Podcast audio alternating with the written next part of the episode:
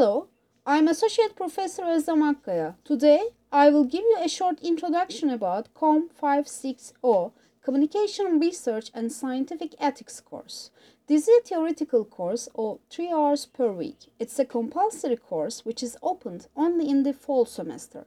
Its YDTP credits is 3 and ECTS credits is 8.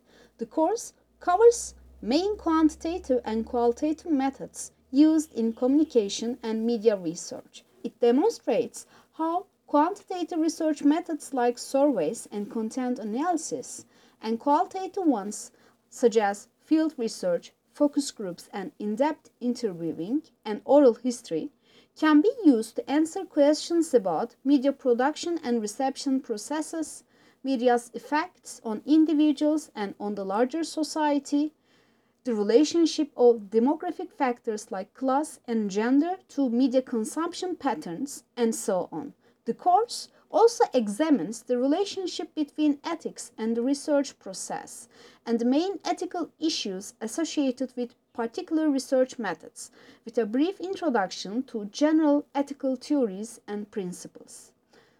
All in all, it aims to show you how to generate manageable and viable research questions and hypotheses, and how to design studies by synthesizing insights from different social disciplines and by holding ethical standards.